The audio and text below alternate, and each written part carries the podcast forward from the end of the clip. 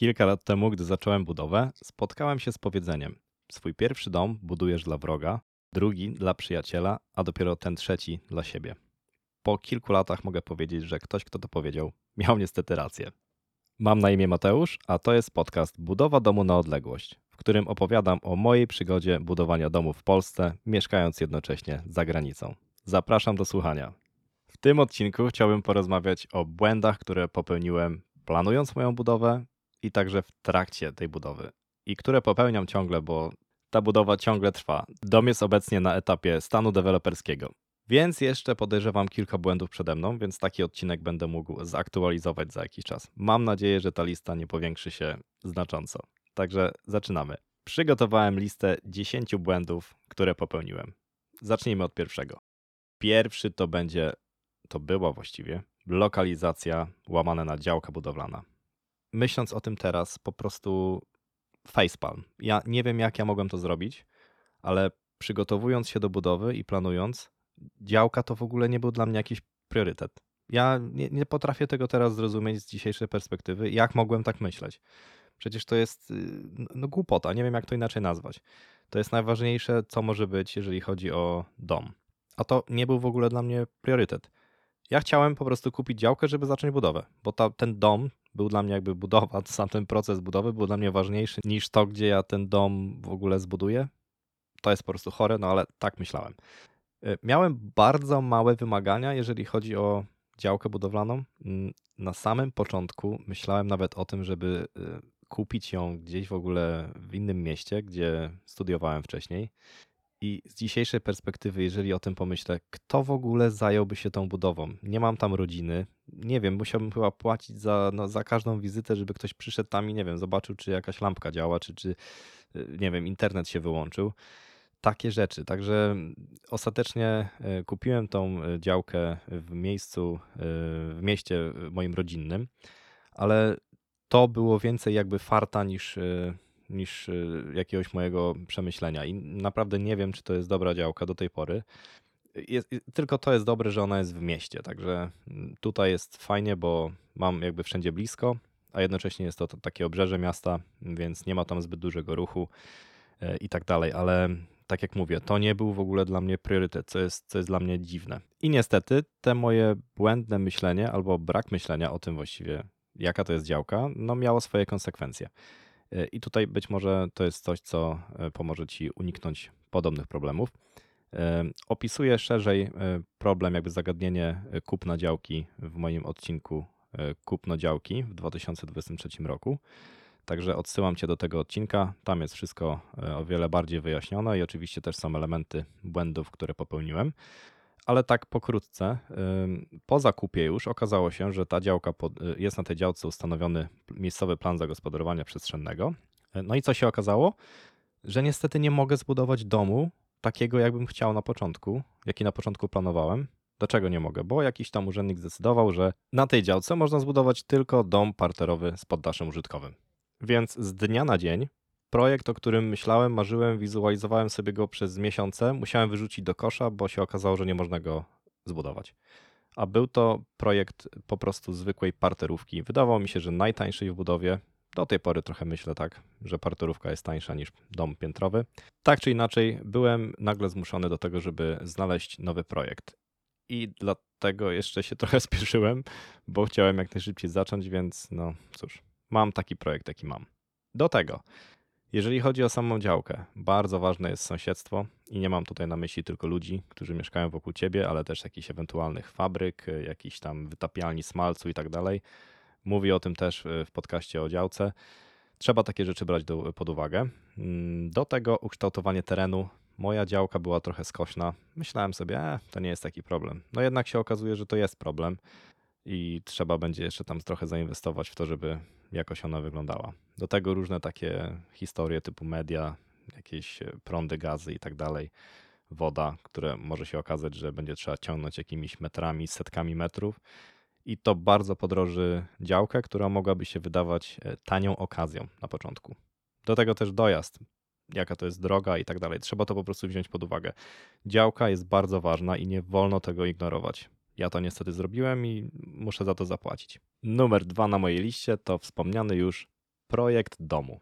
Wydaje mi się, że poświęciłem na jego wybór znacznie mniej czasu niż powinienem, e, bo tak jak wspominałem, było to trochę podyktowane tym, że musiałem wyrzucić ten stary do kosza i nagle szukać czegoś nowego. Pamiętam, to było trochę takie chaotyczne. E, ja i e, moja dziewczyna wtedy wertowaliśmy internet. W ogóle nie braliśmy pod uwagę czegoś takiego jak projekt domu indywidualny. Wydawało nam się to bardzo drogie i w ogóle niepotrzebne.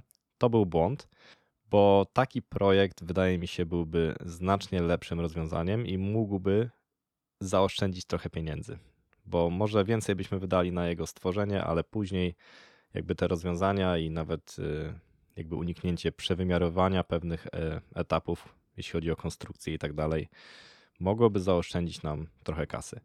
Ale jeżeli chodzi o sam projekt, no, byliśmy tutaj zmuszeni y, przez ten plan zagospodarowania do tego, żeby wybrać projekt z poddaszem użytkowym. Y, dzisiaj, mimo że jeszcze nie mieszkam y, w tym domu, mogę powiedzieć, że dom z poddaszem użytkowym to jest porażka według mnie. To jest, to jest porażka. Nie opłaca się w ogóle czegoś takiego budować.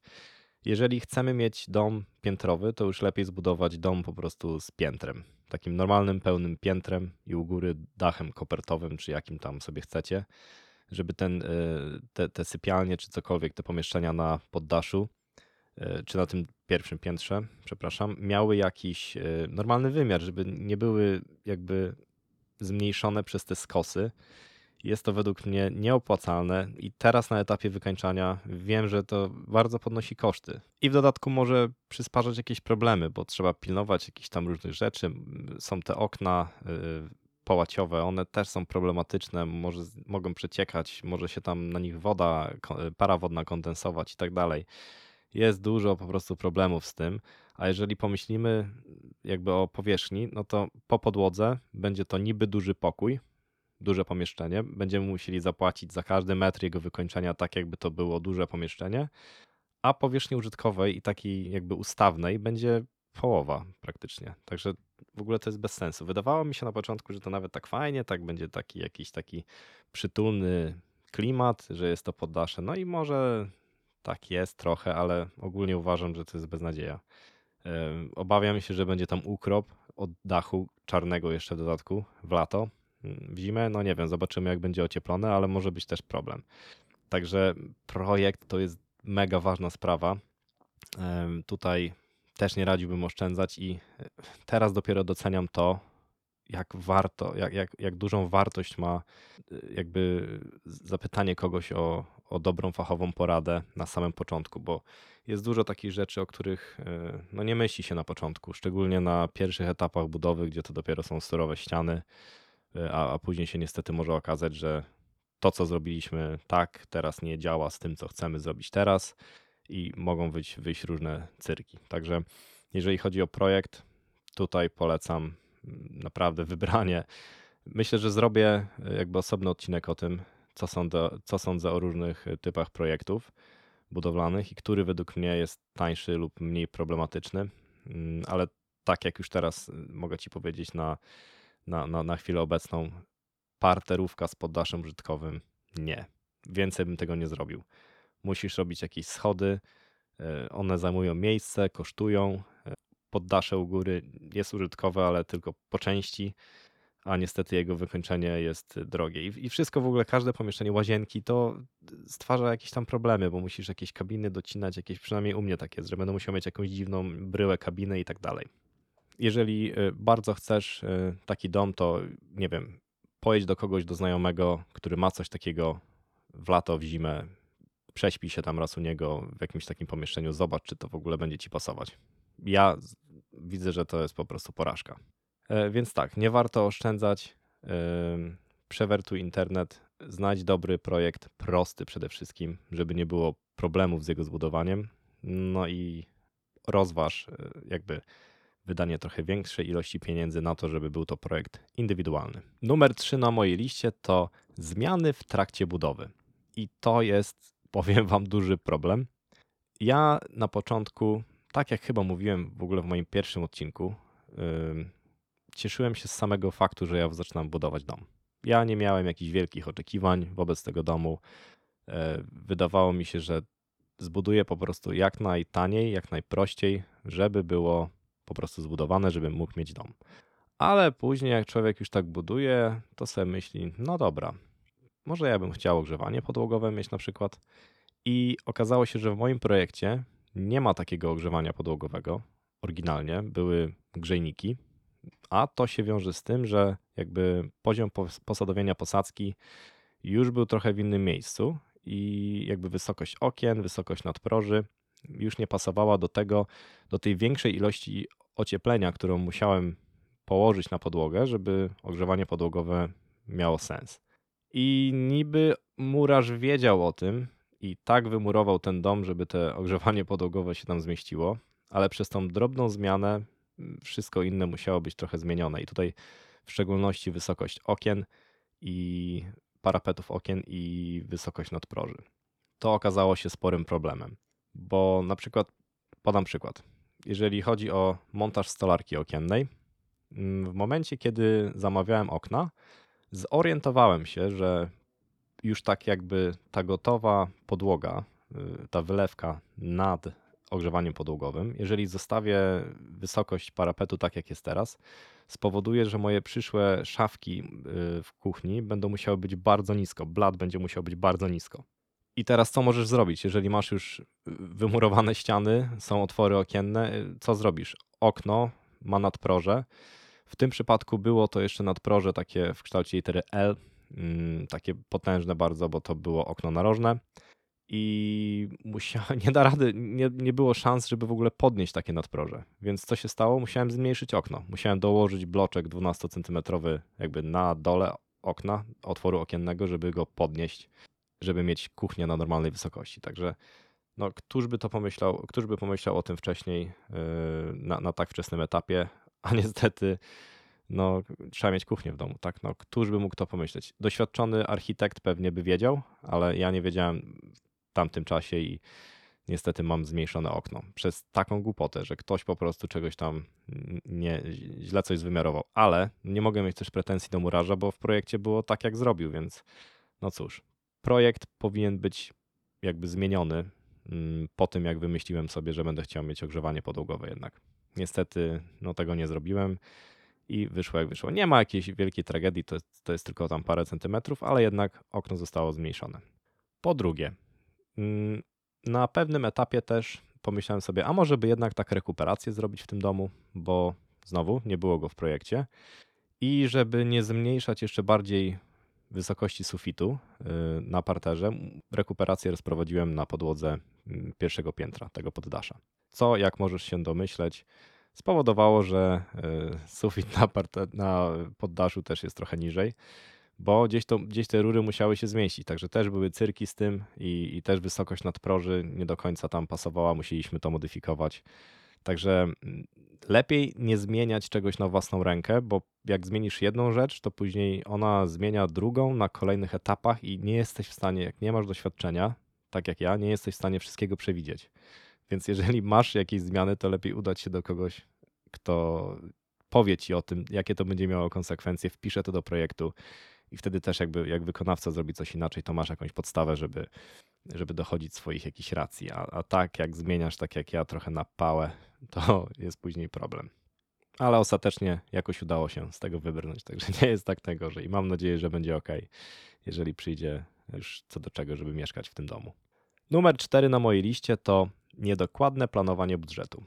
I ja wychodzę z założenia, że budżetu na dom który się buduje kilka lat, nie da się zaplanować idealnie. Zawsze ten budżet się jakoś tam rozjedzie. Można sobie do niego doliczać spokojnie inflację e, w ciągu każdego roku. Mm, I do tego ja bym dodał tak minimalnie jakieś 30% e, do, do tej kwoty początkowej. E, ale jakiś tam plan i budżet warto mieć, bo trzeba po prostu mierzyć siły na zamiary i uniknąć takich sytuacji, kiedy mamy jakiś etap i bo to tak trochę jest, że jakby apetyt rośnie w miarę jedzenia i na samym początku chcemy zbudować tani, prosty dom, ale później sobie myślimy, no dobra, no stolarka okienna, no przecież nie będę brał jakichś tam tanich okien dwuszybowych, to to teraz takie kupuję, to będzie później drożej, jeżeli chodzi o ogrzewanie i tak dalej. weźmy te droższe trzyszybowe i tak to jest tylko taki przykład, ale na każdym etapie, szczególnie inwestor indywidualny, bo deweloper to leci po bandzie praktycznie wszystko najtaniej i tyle, żeby było zrobione i się trzymało, ale ty jako, jako inwestor no chcesz jednak dobrze, tym bardziej z polską taką mentalnością, buduje na pokolenia, e, chcesz, żeby ten dom był solidny, e, żeby był energooszczędny w miarę i żeby po prostu cieszył cię jak najdłużej. Więc no, każdy chce tam kupić ciut lepiej, ciut drożej i, i się okazuje, że na tych etapach, na których normalnie powinieneś wydać tyle i tyle, wydajesz półtora razy tyle. I później może się okazać, że nie ma pieniędzy na jakiś tam etap kolejny albo jakieś, jakieś wydatki się pojawiły, e, których w ogóle nie zaplanowałeś. Także warto mieć jakieś tam powiedzmy ramy, żeby, żeby się tego trzymać i e, krótko mówiąc nie szaleć. Jeżeli chodzi o całą inwestycję, to tutaj też warto e, przemyśleć, jak ona będzie finansowana, czy to będzie tylko kredyt, czy kredyt plus nasze jakieś tam oszczędności, czy to będzie tylko, czy to będą tylko nasze oszczędności, czy, czy mamy jakby gotówkę na, na starcie całą, na pokrycie całej inwestycji, bo to będzie miało tutaj też kluczowy wpływ na to, jak ta budowa będzie się posuwać e, do przodu. Także warto, warto to przemyśleć. E, jednak no, marzenia o domu marzeniami, ale Excela nie oszukamy. I tak niestety e, bywa, że, że nie starczy nam pieniędzy na wszystko. I dlatego, jak spojrzysz sobie no właśnie, mam do ciebie taki mały eksperyment. Spójrz sobie na to, no obojętnie jaką stronę y, w internecie, która sprzedaje y, projekty budowlane i zobacz, jak wyglądają te wizualizacje. Mm, znajdziesz tam piękne domy, oświetlone. Teraz te rendery 3D są tak piękne, że nawet tam jakieś chmury w tle i tak dalej. E, kostka dookoła, jakieś ogrodzenie, jakieś tam, no moim, w moim przypadku jakaś piłka do zabawy dla dzieci. To są takie celowe, to są celowe takie zagrania tych projektantów, żeby wzbudzić w tobie te emocje, mm, że to będzie taki domek, taka twoja oaza. I teraz, e, jak już obejrzysz sobie te, e, te obrazki z tych projektów, przejedź się na jakieś najbliższe tobie osiedle nowych domów jednorodzinnych i zobacz, jak one wyglądają. I pomyśl sobie, czy chociaż jeden z nich wygląda tak jak na tym obrazku, że wszystko dookoła jest takie piękne, skończone. E, no, wydaje mi się, że bardzo mało jest takich domów, które będą wyglądały dokładnie tak jak z tej wizualizacji. Większość będzie to jednak, e, większość, większość z nich będzie sprawiała takie wrażenie, jakby ciągle było coś do zrobienia. No i tak niestety jest. A co to wskazuje? Dla mnie jest to oznaka taka, że gdzieś tam ten budżet e, no, nie był jakby spięty do końca. Także pomyśl o tym. E, kolejny punkt na mojej liście, numer 5, to niewłaściwy wybór wykonawcy. Ja tutaj pojechałem po bandzie parę razy, bo miałem jakieś dziwne takie zaufanie do tych ludzi. Myślałem sobie, że przecież skoro oni świadczą usługi budowlane, na pewno to są fachowcy. Dobrze zrobią swoją robotę nie muszę się przejmować. A jeszcze jeżeli ktoś dał mi jakieś tam małe polecenie, to już wierzyłem po prostu jak małe dziecko, że oni, oni będą dobrze chcieli dla mojej inwestycji i budowy. No niestety nie było tak. Mm, tutaj samo polecenie, ono jest ważne, ale ja nie skupiałbym się tutaj y, tak bardzo na tym, czy ktoś poleca jakiegoś wykonawcę, czy nie. Sprawdziłbym dużo, dużo więcej, bo niestety teraz uzbrojony już w parę lat doświadczenia, mm, mogę powiedzieć, że polska branża budowlana no niestety jest troszeczkę skażona takim partactwem i, i cwaniactwem. Nie wiem, nie wiem, jak to jeszcze określić. Nie chcę tutaj e, oczywiście e, obrażać e, wykonawców, którzy są rzetelni i solidni, bo też tacy są i spotkałem takich na swojej drodze w, w trakcie budowania domu, ale jest dużo z nich, którzy po prostu no, nie powinni być w tym zawodzie. E, nagrałem o tym osobny odcinek e, pod tytułem Janusze budownictwa na mojej budowie. E, polecam ci go, jest tam trochę humorystycznych też elementów, także można się pośmiać. Więc serdecznie zapraszam do przesłuchania tego odcinka. Kolejny błąd, jeżeli chodzi o wykonawców, to brak umowy i w dużej mierze też brak faktur. Jeżeli chodzi o takie usługi typu stolarka okienna, stolarka drzwiowa, Tutaj mega dobre doświadczenie. To były profesjonalne firmy, właściwie to była jedna profesjonalna firma. Tutaj była umowa, E, oczywiście faktura, wszystkie formalności e, były dopięte, jeżeli chodzi o tą stronę i gwarancja i tak dalej, także nie ma tutaj z tym problemu, ale było dużo innych wykonawców, gdzie praktycznie to wszystko było tak na, na słowo. I no niestety to się nie zmienia. Mimo, że ta budowa już trwa trochę czasu, to widzę, że podejście niektórych wykonawców jest e, takie same. Oni mówią do mnie, mi ta umowa jest niepotrzebna.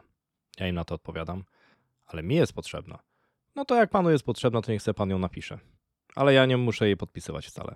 Ta, takie teksty słyszałem od ludzi, także ręce opadają. I tak jak mówię, nie był to jakiś odosobniony przypadek. To była praktycznie norma i myślę, że to dalej jest norma, jeżeli chodzi o. Nie, chcę tutaj generalizować, ale połowę wykonawców to na pewno, jak nie więcej. Nie wiem, co musiałoby się stać, żeby to się jakoś zmieniło. A jak wiadomo, brak takiej umowy to później problemy z terminami, bo nie będą obowiązywały żadne kary za ewentualne opóźnienia. Mogą to być problemy z gwarancją, z naprawami gwarancyjnymi i tak dalej. Wszystkie jakby dochodzenie jakichkolwiek roszczeń po naszej stronie może być utrudnione bez takiej umowy. I też jakby mogą nas czekać jakieś niespodzianki ewentualnie, jeśli chodzi o samą cenę końcową i tak dalej. Jeżeli nie ma tego w umowie, tylko gdzieś tam jest to napisane e, w formie jakiegoś e-maila czy coś, może się okazać, że nagle mm, nie zawarliśmy czegoś tam, co ten wykonawca zrobił. Ja myślę, że taka umowa tak naprawdę działa w obie strony. Ona zabezpiecza zarówno interesy e, wykonawcy, jak i inwestora, także to, to, to jest obopólnie korzystne. Nie wiem, dlaczego to nie jest normą, no ale niestety nie jest normą w polskim budownictwie, przynajmniej w tym jednorodzinnym. Także jeżeli budujesz dom, pomyśl o umowie i zawrzyj ją z wykonawcą. Zanim przejdę do punktu szóstego mojej listy, mam do Ciebie wielką prośbę. Jeżeli słuchasz mnie na YouTube, proszę zostaw subskrypcję i polajkuj ten film. Pomoże mi to dotrzeć do większej ilości widzów oraz zmotywuje mnie do nagrywania kolejnych podcastów. Jeżeli słuchasz mnie na Spotify albo Apple Podcasts, zostaw opinię. Po prostu kliknij na tyle gwiazdek, ile zasługuje według Ciebie. Pomoże to lepiej pozycjonować ten podcast na tych platformach. Dziękuję Ci bardzo. Ok, więc przejdźmy do punktu szóstego na mojej liście. A jest to nieodpowiedni nadzór nad budową. Co mam tutaj na myśli? E, mam na myśli to, że wielu inwestorów, ja byłem oczywiście wśród y, tej grupy, pokładają duże nadzieje w tym, że kierownik budowy zadba o absolutnie każdy detal na budowie. To nie jest prawda. E, ja ze swojej perspektywy mogę powiedzieć, że u mnie to z kierownikiem budowy było tak jak z Yeti. Niby każdy wie, że istnieje, ale nikt go nie widział. No rzadko widziałem kierownika na budowie. I szczerze mówiąc, za te pieniądze, które zapłaciłem, wcale się nie dziwię. Bo jeżeli ktoś bierze 3, 4 czy 5 tysięcy za budowę, która trwa 2-3 lata, to ile razy myślisz, że taka osoba jakby z kompetencjami pojawi się na Twojej budowie? Tak realistycznie. No, nie będzie to zbyt wiele wizyt. Myślę, że tutaj na etapie, myślę, że na etapie stanu surowego, gdzie są jakieś ważne elementy konstrukcyjne, zbrojenia i tak dalej, wtedy ten kierownik no, może ewentualnie zerknąć e, częściej, ale później to już, to już praktycznie on nie pojawi się na budowie niestety. A będą dalej jakieś newralgiczne punkty.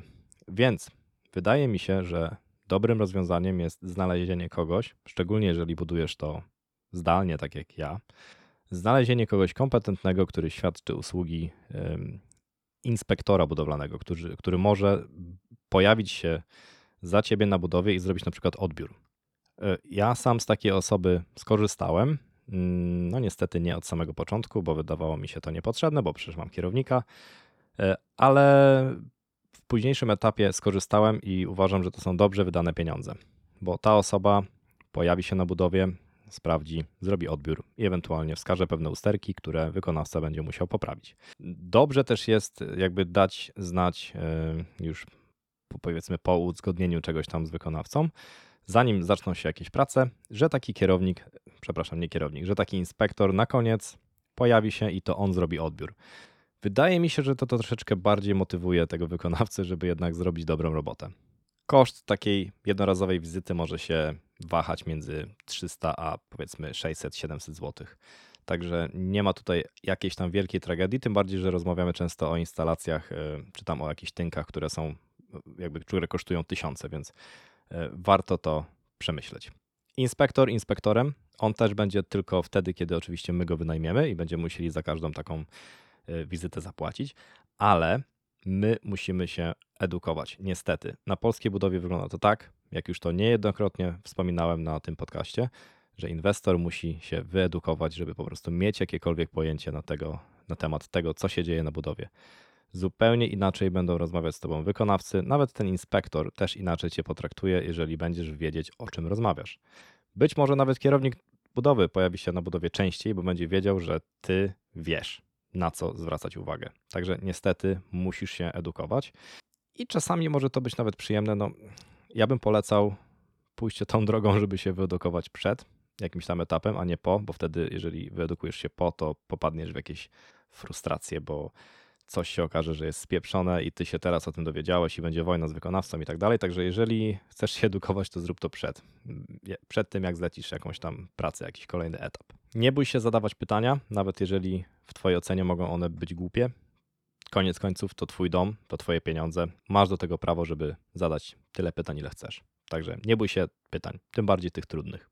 Ok, teraz numer 7 na mojej liście to jest taki punkt, który może być trochę kontrowersyjny, ale wydaje mi się, że warto o nim wspomnieć. Mm, oczywiście jest to też e, błąd, który wydaje mi się, że ja niestety popełniłem, ale mam tutaj na myśli ślepe podążanie za trendami, które wiadomo zmieniają się. Trendy mają to do siebie, że się zmieniają. Jeżeli nie mam jakoś tam wielkiego problemu z tym, żeby jakieś tam trendy powiedzmy zastosować w środku domu mm, albo gdzieś, gdzie jakby zmiany późniejsze mogą być dosyć łatwo przeprowadzone. To jeśli chodzi o to, jak ten budynek wygląda z zewnątrz i takie różne detale, których raczej już później zmienić nie można, a one go tak szufladkują jakby w pewien trend, tutaj zalecałbym ostrożność, bo trendy, jak wiadomo, zmieniają się. Podam Ci przykład mój. E, dom, który buduję, ma takie narożne okno, które jest y, jakby obniżone. Mm, trochę niepraktyczne dla człowieka z moim wzrostem, tak w ogóle, ale jest to jakiś taki element, który wydawał mi się, mi i mojej dziewczynie, który wydawał mi się tam, na tamte czasy, kiedy wybrali, wybieraliśmy projekt taki e, nowatorski i dosyć taki, dawał taką nutę takiego, takiej nowoczesności temu domu. E, oczywiście jest sporo domów zrobionych z takim, wybudowanych z takim oknem. Chodzi mi o okno w kuchni, takie narożne. E, no cóż, wydaje mi się, że ten trend może się w pewnym momencie skończyć, jeżeli nie skończył się już. I taki dom może być jakby troszeczkę taki, e, no. Wiem, że to nie jest jakiś tam duży problem, ale to może być taki, taki troszeczkę motyw, który dosyć szybko się zestarzeje. I ten dom może wyglądać tak trochę. Hmm, Trochę tak jak e, kiedyś był taki trend w mieszkaniach, e, żeby sobie robić jakieś łuki nad drzwiami zamiast normalnych prostokątnych otworów i pomyśl sobie, jak wyglądałby teraz, jak wyglądałoby teraz mieszkanie czy dom z takimi otworami. No trochę śmiesznie, przynajmniej w mojej ocenie. Także wydaje mi się, że bezpiecznie będzie po prostu zrobić dom w miarę tradycyjnie, czyli normalny dach, dwuspadowy albo kopertowy, ewentualnie płaski normalne okna, normalne drzwi, bez jakichś niepotrzebnych udziwnień. Wydaje mi się, że im prostsza bryła, tym lepiej i tym bardziej ponadczasowa będzie ta bryła. Także wiem, że teraz na przykład jest trend, żeby budować te stodoły. Podobają mi się one, przyznam szczerze, że mi się podobają. A szczególnie y, podobają mi się w nich te okna takie mm, w kształcie trójkątów u góry.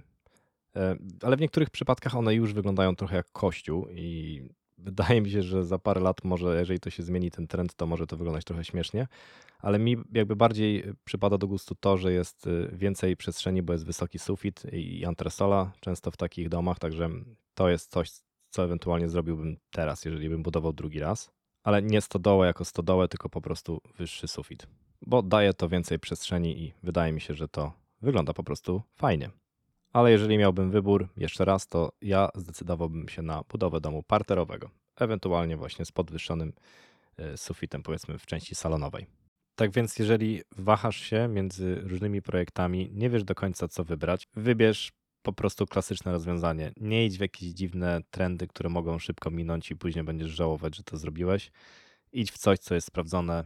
Im mniej udziwnień, tym prościej, taniej i wydaje mi się, że na dłuższą metę po prostu lepiej. Numer 8 na mojej liście to sugerowanie się tym, co zrobili znajomi i sugerowanie się ich opinią.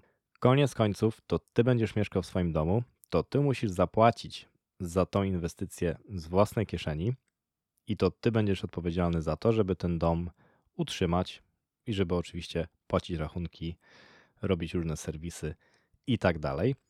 Także jeżeli masz konkretne powody, na przykład, żeby nie robić w domu, nie wiem, instalacji rekuperacji, rozumiesz wszystkie jakby konsekwencje tego, czyli jak działa wentylacja grawitacyjna, z czym to się wiąże i tak dalej, i tak dalej, to zrób po swojemu. Nie sugeruj się tym, że pół osiedla ma teraz rekuperację, albo wszyscy twoi znajomi, którzy też budują dom, mają rekuperację.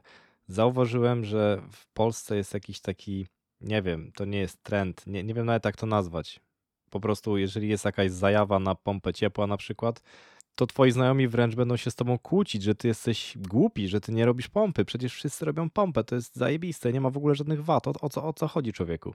No nie, niestety wszystko ma wady i zalety i jeżeli ty podjąłeś taką decyzję, to to jest twoja decyzja i się jej trzymaj i tyle.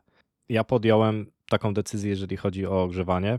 To jest mało popularna, wydaje mi się, w dzisiejszych czasach decyzja. Do nowego domu zakładam gaz i tyle. I nie obchodzi mnie to, że wszyscy moi znajomi mają pompy ciepła i że oni myślą, że to jest najlepsze. Według mnie na tą chwilę podejmuję takie ryzyko, bo według mnie to się po prostu nie opłaca. Akurat w moim przypadku. Więc jeżeli masz podobne przemyślenia, to po prostu idź, bo to jest, idź za tym, to jest twój dom i tutaj twoi znajomi nie będą za to płacić, nie będą ci tej pompy serwisować, nie będą naprawiać jej, jak się zepsuje. To jest twój wybór, także e, odradzałbym tutaj podążanie za jakimiś e, opiniami e, czy słuchania opinii twoich znajomych. Niektórzy mogą ci oczywiście dobrze radzić, ale każdy przypadek jest inny, więc słuchaj po prostu siebie. Wyjdziesz na tym najlepiej. Błąd numer 9 na mojej liście to taka ślepa wiara w to, że wszyscy inni dookoła są bardziej odpowiedzialni za budowę Twojego domu niż Ty sam.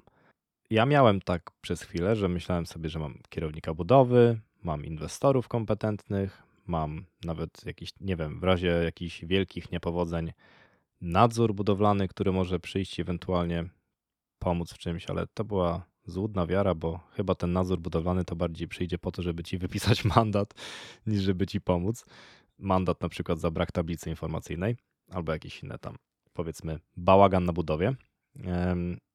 Ale musisz sobie zdać sprawę, że koniec końców to tylko i wyłącznie ty jesteś odpowiedzialny za to, jak ten dom jest zbudowany, jak on wygląda, czy on jest zbudowany poprawnie, czy tam nic nie cieknie w dachu, czy ściany są proste i tak dalej. Wiadomo, są etapy wykonywane przez jakieś tam firmy budowlane, ale to ty na końcu jesteś odpowiedzialny za całokształt. Jeżeli, szczególnie jeżeli budujesz to takim sposobem, metodą gospodarczą, gdzie to ty jesteś tym menadżerem, który sam dobiera firmy na kolejne etapy. One zrobią swoją robotę, ale musisz postawić się na chwilę jakby w skórze tego wykonawcy, który przychodzi do ciebie zrobić jakąś robotę. Na przykład zainstalować, nie wiem, rekuperację. On widzi tylko pewien mały wycinek tego procesu którym jest budowa Twojego domu. Ty patrzysz na to z szerszej perspektywy. Ty widzisz to jako element całości.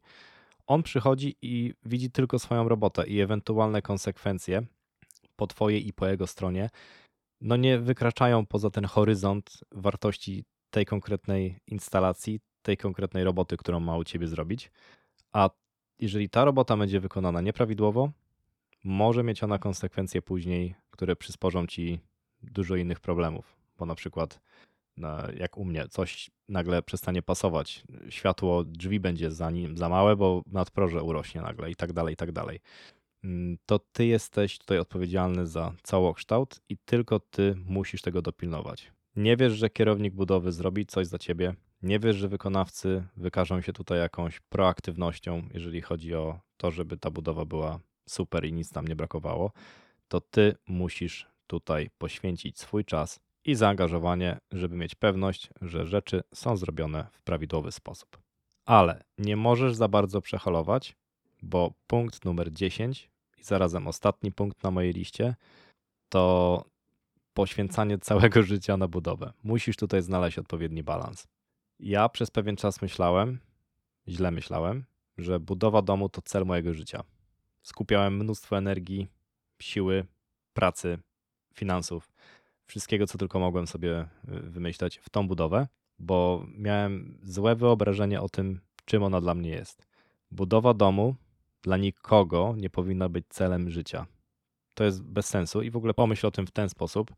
Co jeżeli ta budowa się skończy? To sens twojego życia przestanie w ogóle istnieć, tak? Stracisz go, bo skończyła się budowa, która była celem twojego życia. To można umierać, tak? Także owszem, to jest poważny projekt, trzeba się zaangażować, nie można tutaj mm, jakby tego ryzyka mm, offsetować na jakichś wykonawców i kierownika budowy, tak jak mówiłem wcześniej, ale nie można też poświęcić swojego życia prywatnego, poświęcić, nie wiem, relacji z dziećmi. Szczególnie to dotyczy, wydaje mi się, mężczyzn, którzy mają takie gdzieś tam zakorzenione to, żeby zrobić tą robotę, wybudować ten dom i poświęcają w to mnóstwo, mnóstwo czasu i energii.